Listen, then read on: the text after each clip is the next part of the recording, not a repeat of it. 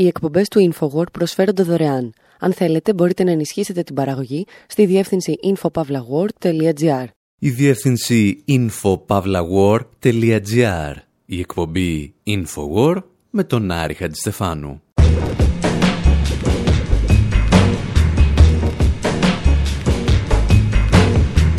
όπου σήμερα μοιραζόμαστε μερικές σκέψεις για τον Τζόκερ, επειδή μας το ζήτησε ένας ακροατής. Και ίσως γιατί πιστεύουμε ότι είναι μία από τις πιο ενδιαφέρουσες ταινίες των τελευταίων χρόνων. Υποψιαζόμαστε ότι ο πραγματικός κακός στις ταινίες του Batman είναι ο Ρόναλτ Ρίγκαν. Χρησιμοποιούμε βαρύγδουπες εκφράσεις όπως επαναστατικό υποκείμενο και αναρωτιόμαστε εάν η κατάσταση είναι λίγο πιο λούμπεν από ό,τι θα θέλαμε. Ζητάμε για όλα αυτά τη βοήθεια ψυχαναλυτών αλλά και τον Pink Floyd. Και ύστερα παραμένουμε στο θέμα μανών τρόπο. Ακούμε τραγούδια για τους σούπερ ήρωες και αναζητούμε τις πολιτικές τους πεπιθήσεις. Όλα όμως σήμερα ξεκινούν και τελειώνουν με μια ψυχική διαταραχή.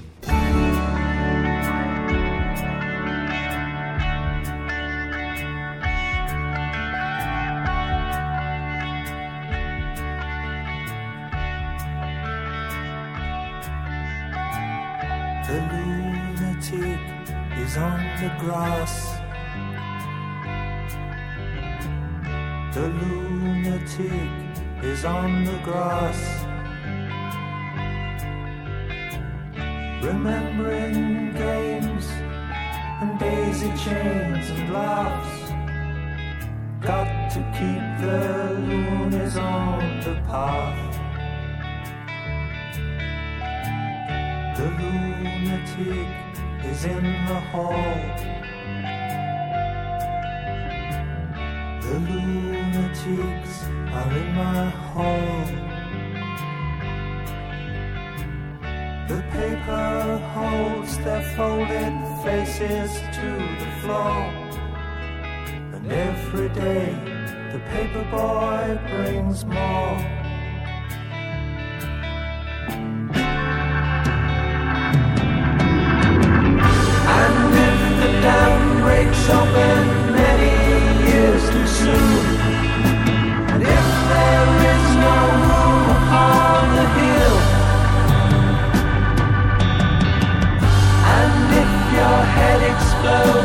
stop for burden's joke. I'll see you on the dark side of the moon.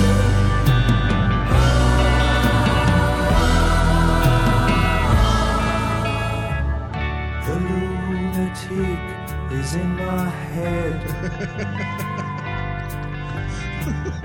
the lunatic is in my head.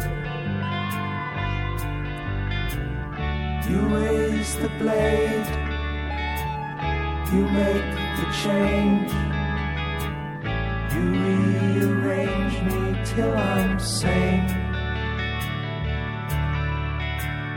You lock the door, throw away the key. There's someone in my head, but it's not me.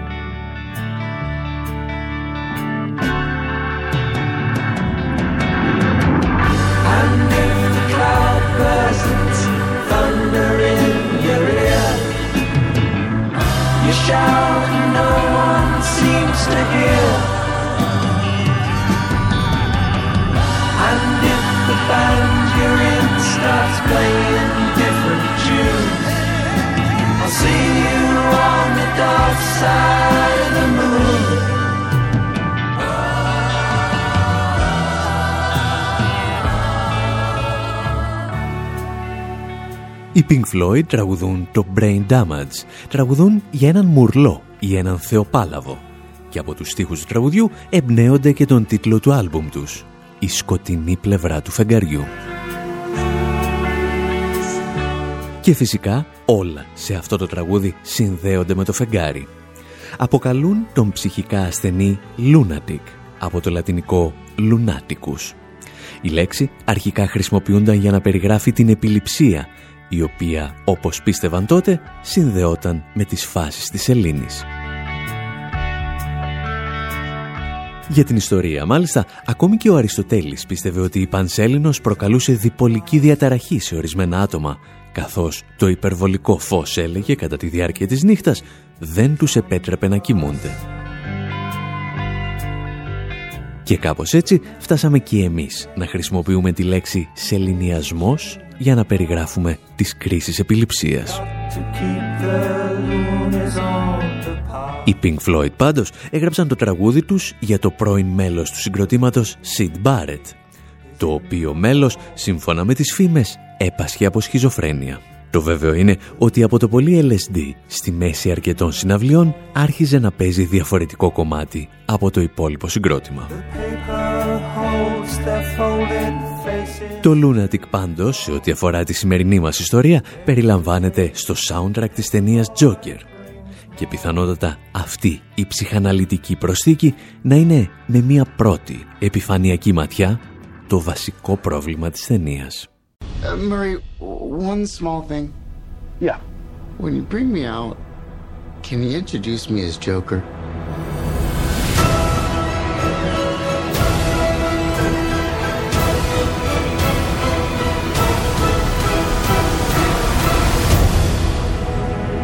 Send in the clowns.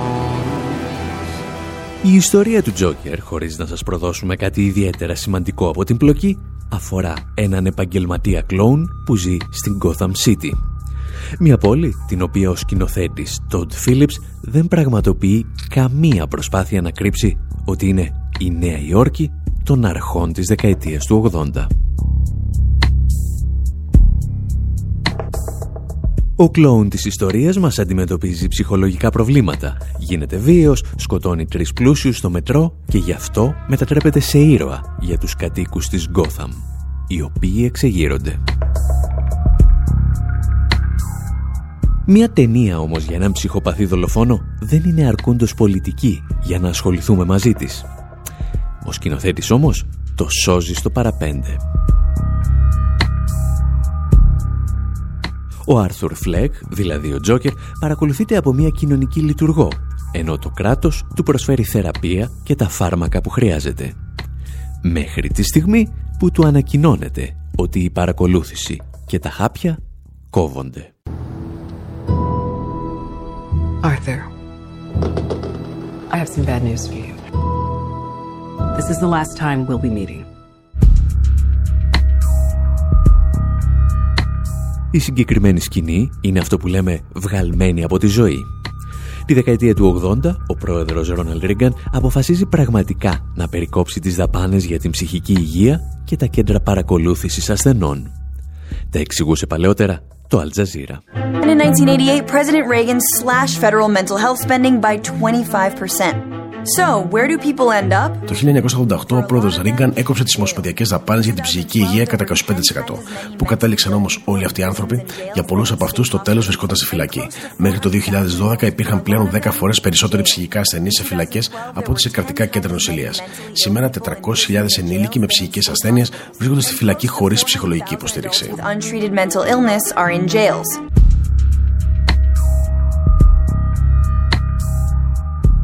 Ο λόγος για τον οποίο ο Ρίγκαν θα πυροδοτήσει όλη αυτή την παράνοια ονομάζεται εν γέννη καπιταλισμός και στη συγκεκριμένη περίπτωση νεοφιλελευθερισμός. Government is not the solution to our problem. Government is the problem.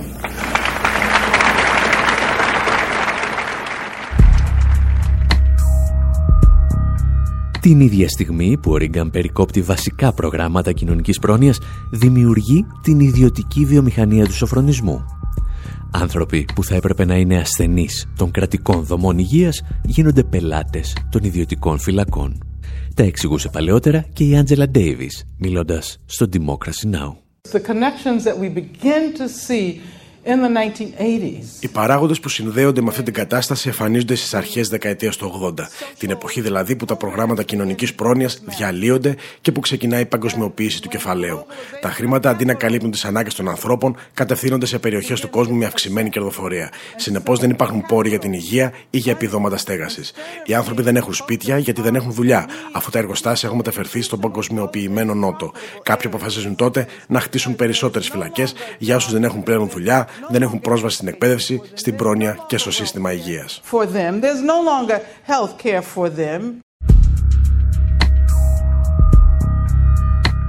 Ο Ρίγκαν λοιπόν και οι πολιτικοί που ακολουθεί χρησιμοποιούν το κράτος για να δημιουργήσουν ταυτόχρονα προσφορά αλλά και ζήτηση για τις νέες ιδιωτικές φυλακές.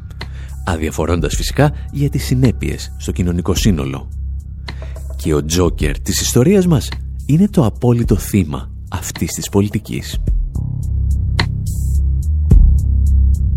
Τα προβλήματα της ταινίας όμως ξεκινούν στο δεύτερο μέρος της και θα τα συζητήσουμε αφού ακούσουμε ένα ακόμη τραγούδι από το soundtrack.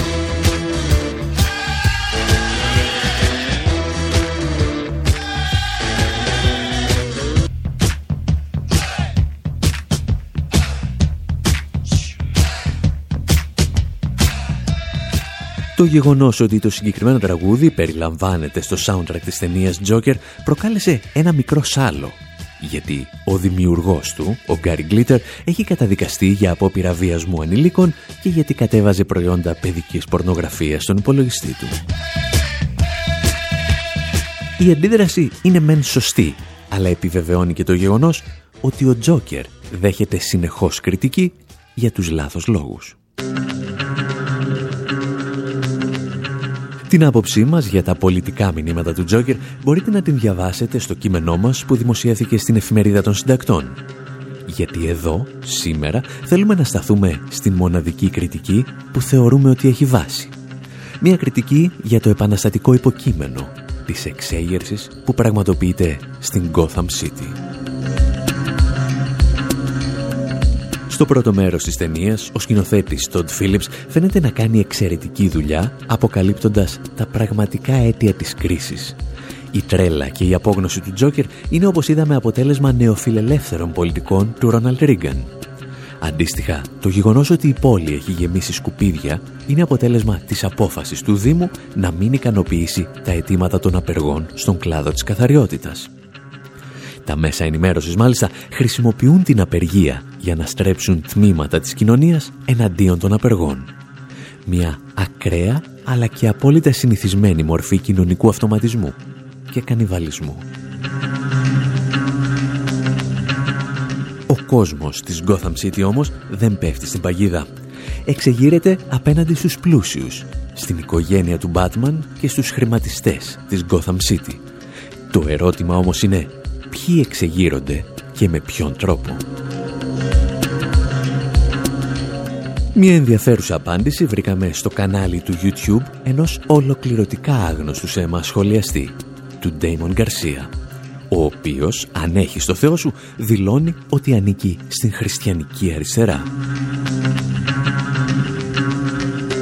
Στους δρόμους της Gotham City, λέει ο Γκαρσία, κατέβηκε το Λούμπεν Προλεταριάτο. And really what I thought of when seeing parts of this movie was the Marxist concept of the lumpen proletariat. People are usually familiar with the struggle between the bourgeoisie Στα αλήθεια, αυτό που σκέφτηκα όταν είδα κομμάτια της ταινίας ήταν η μαρξιστική έννοια του Λούμπεν προλεταριάτου. Όλοι ξέρουν τη μάχη μεταξύ της μπουρζουαζίας, της καπιταλιστικής τάξης, των ιδιοκτητών των μέσων παραγωγής και του προλεταριάτου, της εργατικής τάξης, αυτών που πουλάνε την εργασία τους στους καπιταλιστές για ένα μισθό.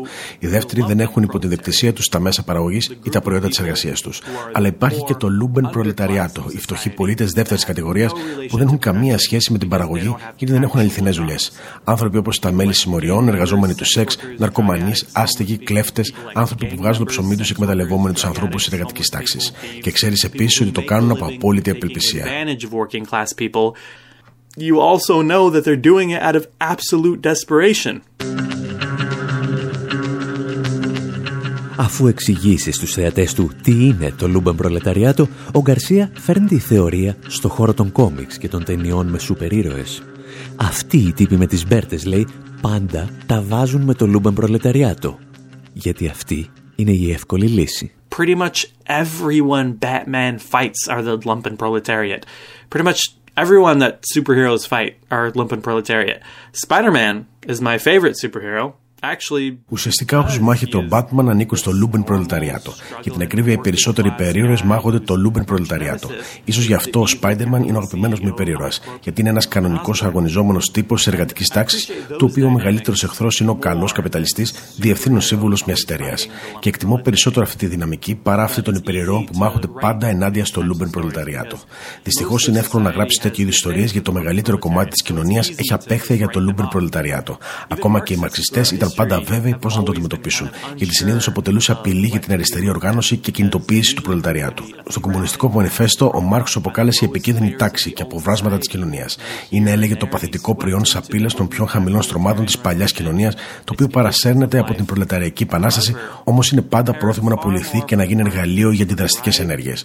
Τόσο συχνά οι άνθρωποι αυτοί χειραγωγούνται και χρησιμοποιούνται από την αντίδραση. So often, these people are easily manipulated and used by reactionaries.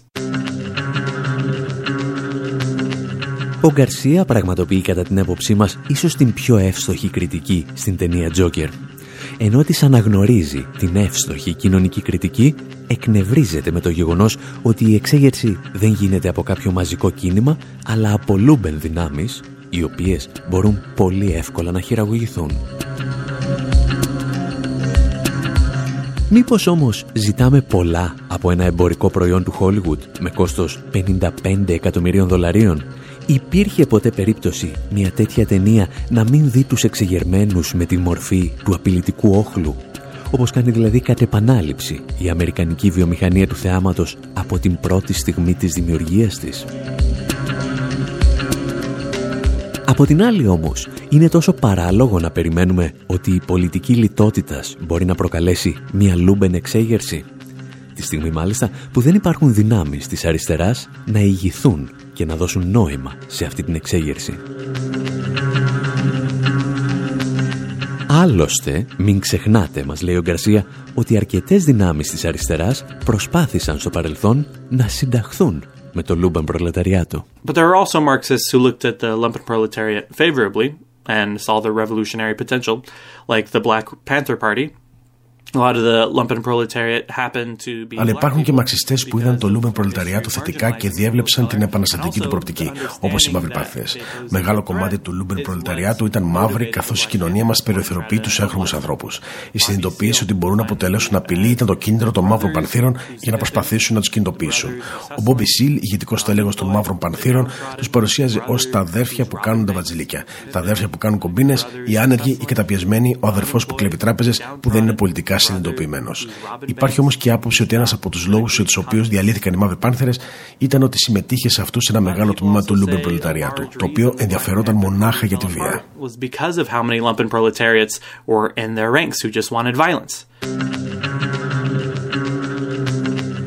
Εμείς πάλι, με σκέψεις σαν κι αυτές, λέμε να κάνουμε ένα διάλειμμα. Θα επιστρέψουμε για να ακούσουμε τραγούδια όχι για τους κακούς στα κόμιξ των σούπερ ηρώων, αλλά για τους ίδιους, τους σούπερ ήρωες.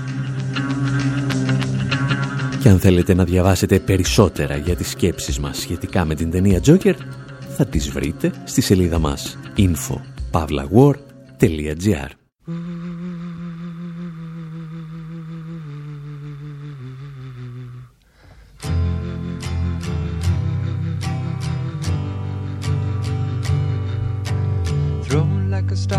my vacina.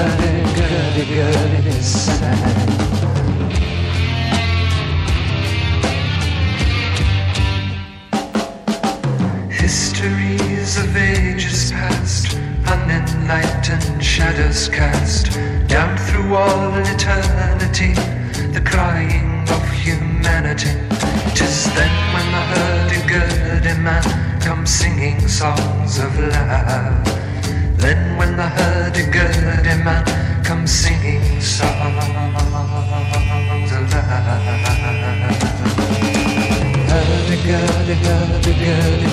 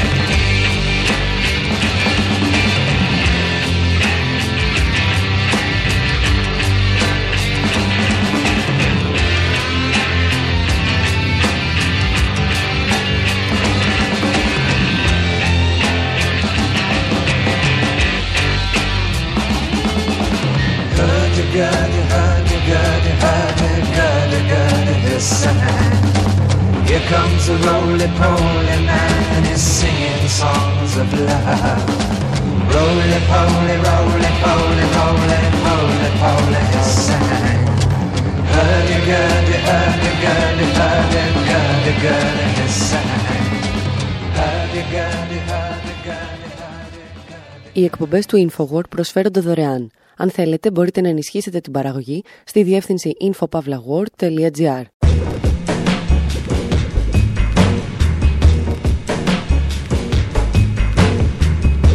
Εκπομπή InfoWord, μέρος δεύτερο. Όπου αφού εξηγήσαμε ότι οι κακοί των κόμιξ δεν είναι αναγκαστικά οι κακοί, θέλουμε να δούμε εάν οι καλοί είναι ποτέ οι καλοί. Ακούσαμε κάτι για τις διαφορές του Batman με τον Spider-Man, αλλά θέλουμε να δούμε τι γίνεται και με τον Superman. Ξεκινάμε πάντως με τους Kings να σχολιάζουν την πτώση ενός σούπερ ήρωα. Η αντικυβερνητική στάση του Captain America όμως είναι μια άλλη μεγάλη ιστορία, την οποία αν θέλετε μπορείτε να διαβάσετε στο extefanu.gr when you were down and you needed a helping I can defeat you, but now that I need you, you won't give me a second glance.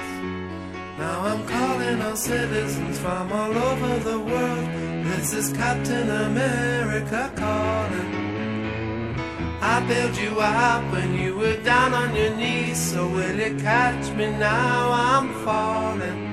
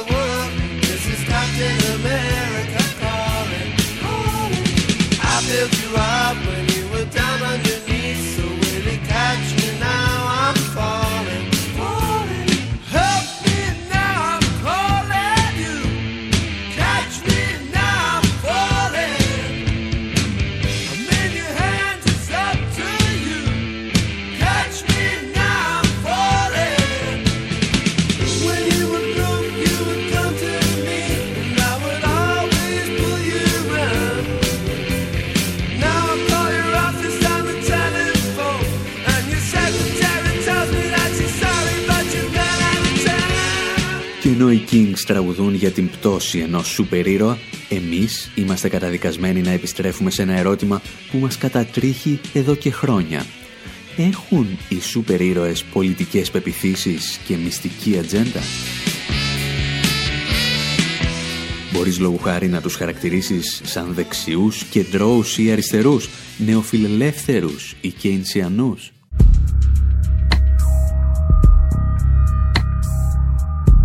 Εδώ και δεκαετίες, ακαδημαϊκοί, συγγραφείς και δημοσιογράφοι επιχειρούν να σκιαγραφίσουν το πολιτικό προφίλ των σούπερ ηρώων. Και φυσικά, κάθε συζήτηση για υπερήρωες δεν μπορεί παρά να ξεκινά από τον ήρωα των ηρώων, τον Σούπερμαν.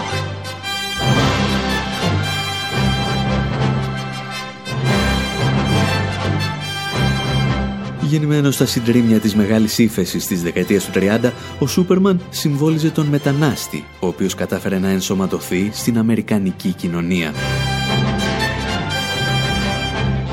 Σύμφωνα με αυτή την κατηγοριοποίηση, ο Σούπερμαν είναι μάλλον μετριοπαθής ρεπουμπλικάνος. Μεγάλωσε σε συντηρητική αγροτική οικογένεια, αλλά ως Κλάρκ Κέντ εργαζόταν σε μια φιλελεύθερη εφημερίδα, την Daily Planet.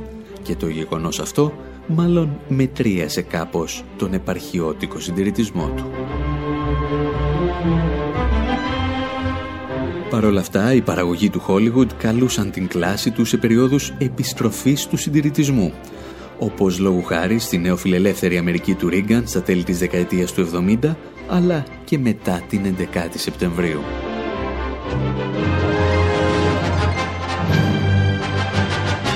Η επιστροφή του Σούπερμαν το 2006, θα γράψει η Mon Diplomatique, συμπυκνώνει το πνεύμα του Patriot Act. Μια υπεράνθρωπη δύναμη, την οποία κανένας δεν μπορεί να ελέγξει, παρακολουθεί τους πολίτες σε κάθε τους κίνηση και είναι έτοιμη να επέμβει με πρόσχημα πάντα την ασφάλειά τους. Η μεσιανική έλευση του Σούπερμαν, έγραψαν άλλοι σχολιαστές, ικανοποιούσε μια φανατικά θρησκευόμενη Αμερική. Μια Αμερική που δεν ρωτά λεπτομέρειες και εξετάζει τα πάντα με το απλουστευτικό σχήμα «το καλό εναντίον του κακού».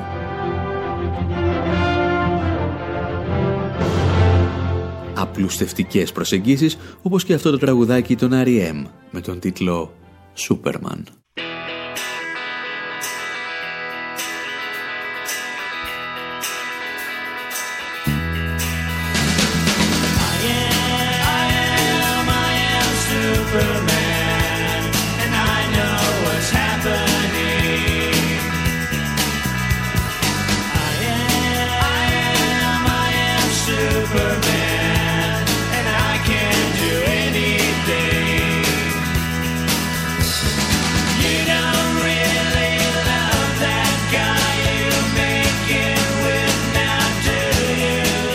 Ξέρω, τραγουδούσαν οι R.E.M. ότι δεν τον αγαπάς αυτό τον τύπο γιατί είμαι ο Σούπερμαν και το βλέμμα μου μπορεί να σε διαπεράσει.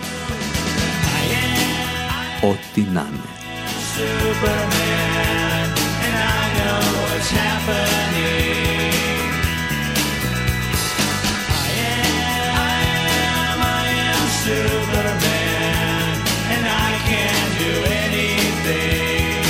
Ευτυχώς για τον μουσικό πολιτισμό του πλανήτη, ο Jill Scott Heron θα έρθει να βάλει τα πράγματα στη θέση τους τραγουδώντας το «Ain't no such thing as a Superman». Δεν υπάρχουν υπεράνθρωποι.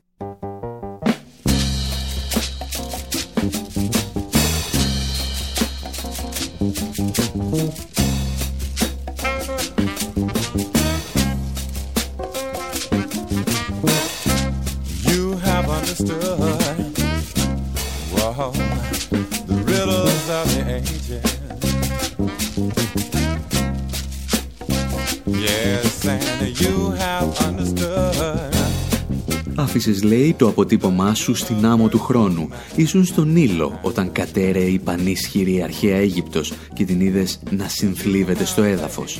Γιατί λοιπόν δεν μπορείς να καταλάβεις ότι δεν υπάρχουν υπερήρωες; lasting sands of time. Yeah, so tell me why can't you understand that there ain't no such thing as a Superman? Και ενώ ο Jill Scott Heron ισχυρίζεται ότι δεν υπάρχουν σούπερ ήρωες, εμείς περνάμε στον δεύτερο τη τάξη υπερήρωα της ιστορίας, τον άνθρωπο νυχτερίδα. To the Batmobile. Let's go. Atomic batteries to power. Turbines to speed. Roger. Ready to move out.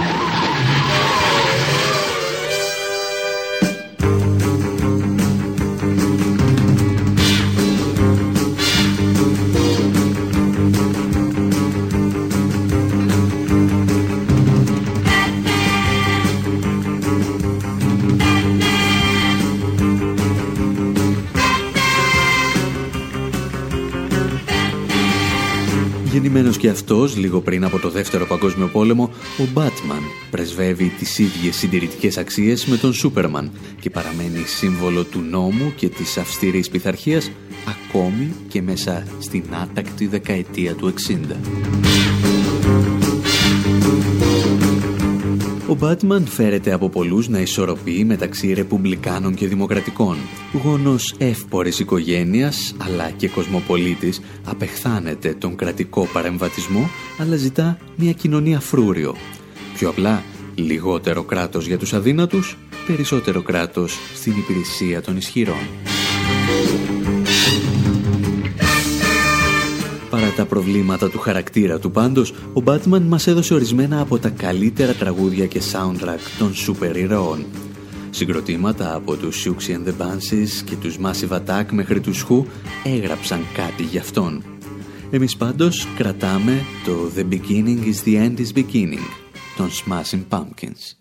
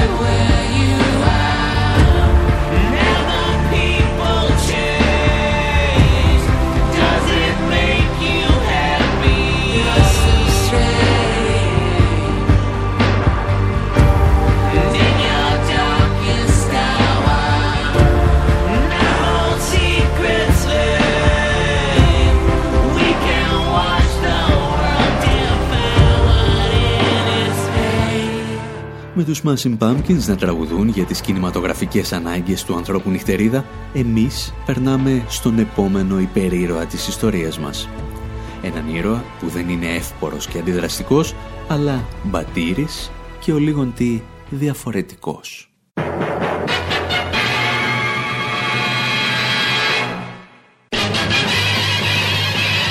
Ο Spider-Man, ο άνθρωπος αράχνη, θεωρείται από αρκετούς ως σούπερ ήρωας δεύτερης κατηγορίας σε σύγκριση με τον Superman ή τον Batman. Παρ' όλα αυτά, έχει τη δική του ιστορία να διηγηθεί. Ο Spider-Man είναι τέκνο της ταραγμένης δεκαετίας του 60. Σε αντίθεση με τους προκατόχους του που είχαν μια κάποια ηλικία και ένα σταθερό εισόδημα, αυτός ήταν έφηβος και απένταρος. Δούλευε βέβαια ως φωτογράφος, αλλά ξέρετε πόσο δύσκολο είναι αυτό το επάγγελμα. Μπορεί λόγου χάρη ο Υπουργός Προστασίας του Πολίτη από τη μία στιγμή στην άλλη να στείλει τους Πρετοριανούς του να σου σπάζουν τα δόντια ή να σε σαπίσουν στο ξύλο. Μάλλον για όλους αυτούς τους λόγους η αφίσα του Spider-Man φιγουράριζε εκείνα τα χρόνια σε αρκετά εφηβικά δωμάτια, δίπλα σε αυτή του Bob Dylan ή ακόμη και του Che Guevara. Και η εταιρεία που μας τον παρουσίασε, η Marvel, έμεινε πιστή σε αυτή την παράδοση του αντικομφορμισμού. Παρουσίασε και ένα νέο Spider-Man, τον Miles Morales, ο οποίος είναι μαύρος και λατίνος.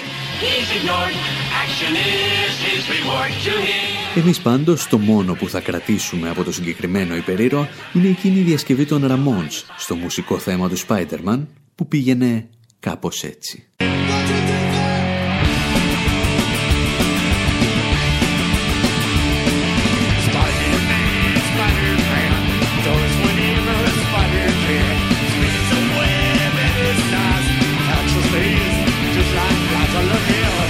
Έχουν λοιπόν οι σούπερ ήρωες πολιτικές πεπιθήσεις και πολιτική ατζέντα την οποία φέρνουν εις πέρας με τις υπερδυνάμεις τους;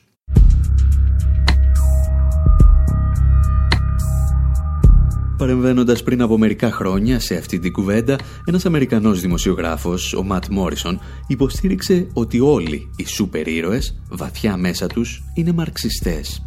Ο καθένας, λέει, προσφέρει ανάλογα με τις ικανότητές του, σε καθέναν ανάλογα με τις ανάγκες του. Το οποίο, ως ανάλυση, αποτελεί ίσως τη μεγαλύτερη μπαρούφα που ακούσαμε τις τελευταίες δεκαετίες. Καταρχήν γιατί αν ο Σούπερμαν δούλευε και φορολογούνταν ανάλογα με τις ικανότητές του, δεν θα φτάναμε ποτέ εδώ που φτάσαμε. Δεύτερον και σημαντικότερον, γιατί όλοι οι σούπερ ήρωες ήταν και παραμένουν οι απόλυτοι προστάτες του status quo. Σώζουν το άτομο, αλλά δεν τολμούν ποτέ να αγγίξουν τα πολιτικά και οικονομικά συστήματα που το απειλούν. Όπως τους προστάζει ο φιλελευθερισμός τους, σώζουν το άτομο, αδιαφορώντας για το σύνολο. Εκτός ίσως από έναν σούπερ ήρωα. Έναν ήρωα χωρίς καμία υπερφυσική δύναμη. Έναν άνθρωπο που άκουγε στο όνομα Β. Β, όπως λέμε, Βεντέτα. Έναν άνθρωπο που έλεγε βαριές κουβέντες σαν κι αυτές. There are, of course, those who do not want us to speak. Even now, orders are being shouted into telephones. Υπάρχουν κάποιοι που δεν θέλουν να μιλάμε. Αυτή τη στιγμή δίνουν από το τηλέφωνο εντολές σε οπλισμένους άντρες που βρίσκονται καθοδόν. Γιατί; Επειδή γνωρίζουν τη δύναμη του δικού μας λόγου. Οι λέξεις πάντα διατηρούν τη δύναμή τους. Οι λέξεις έχουν νόημα. Η αλήθεια είναι ότι κάτι δεν πάει καλά σε αυτή τη χώρα. Έτσι δεν είναι. Βιαιότητα, αδικία, μυσαλλοδοξία και καταπίεση. Και κανένας δεν έχει το δικαίωμα να διαμαρτυρηθεί. Πώς φτάσαμε όμως ως εδώ, Ποιος έφταξε; Υπάρχουν σίγουρα κάποιοι που φέρουν πιο πολλές ευθύνες και θα τιμωρηθούν γι' αυτό. Το βέβαιο είναι ότι αν ψάχνετε ένοχο, πρέπει πρώτα να κοιταχτείτε στον καθρέφτη. Ξέρω γιατί το κάνατε. Ξέρω τι φοβάστε. Ποιος δεν θα φοβόταν; Πόλεμοι, τρόμος, αρρώστιες. Πολλοί προσπάθησαν να διαβρώσουν τη σκέψη σας και να σας απογυμνώσουν από τη λογική. Ο φόβος σας κυρίευσε και μέσα στον πανικό σας καταφύγατε σε έναν ηγέτη. Αυτός επέβαλε τάξη και σας υποσχέθηκε ειρήνη. Και το μόνο που ζήτησε ως αντάλλαγμα ήταν να είστε ήσυχοι και επιθύμια υπάγκουοι. Τώρα όμως όλα θα αλλάξουν. Πριν 400 χρόνια ένας πολίτης χάραξε για πάντα την 5η Νοεμβρίου στη μνήμη μας. Πέθανε για να θυμάται ο κόσμος ότι η τόλμη, η δικαιοσύνη και η ελευθερία είναι κάτι παραπάνω από λέξεις. Είναι τρόπος ζωής. Αν λοιπόν δεν βλέπετε κανένα πρόβλημα, αν δεν αναγνωρίζετε τα εγκλήματα αυτής της κυβέρνησης, σας προτείνω να μην γιορτάσετε ποτέ την 5η του Νοέμβρη. Αν όμως βλέπετε αυτό που βλέπω, αν αισθάνεστε αυτό που αισθάνομαι και αν αναζητάτε αυτό που αναζητώ, σας καλώ να ενωθείτε μαζί μου στην είσοδο της Βουλής.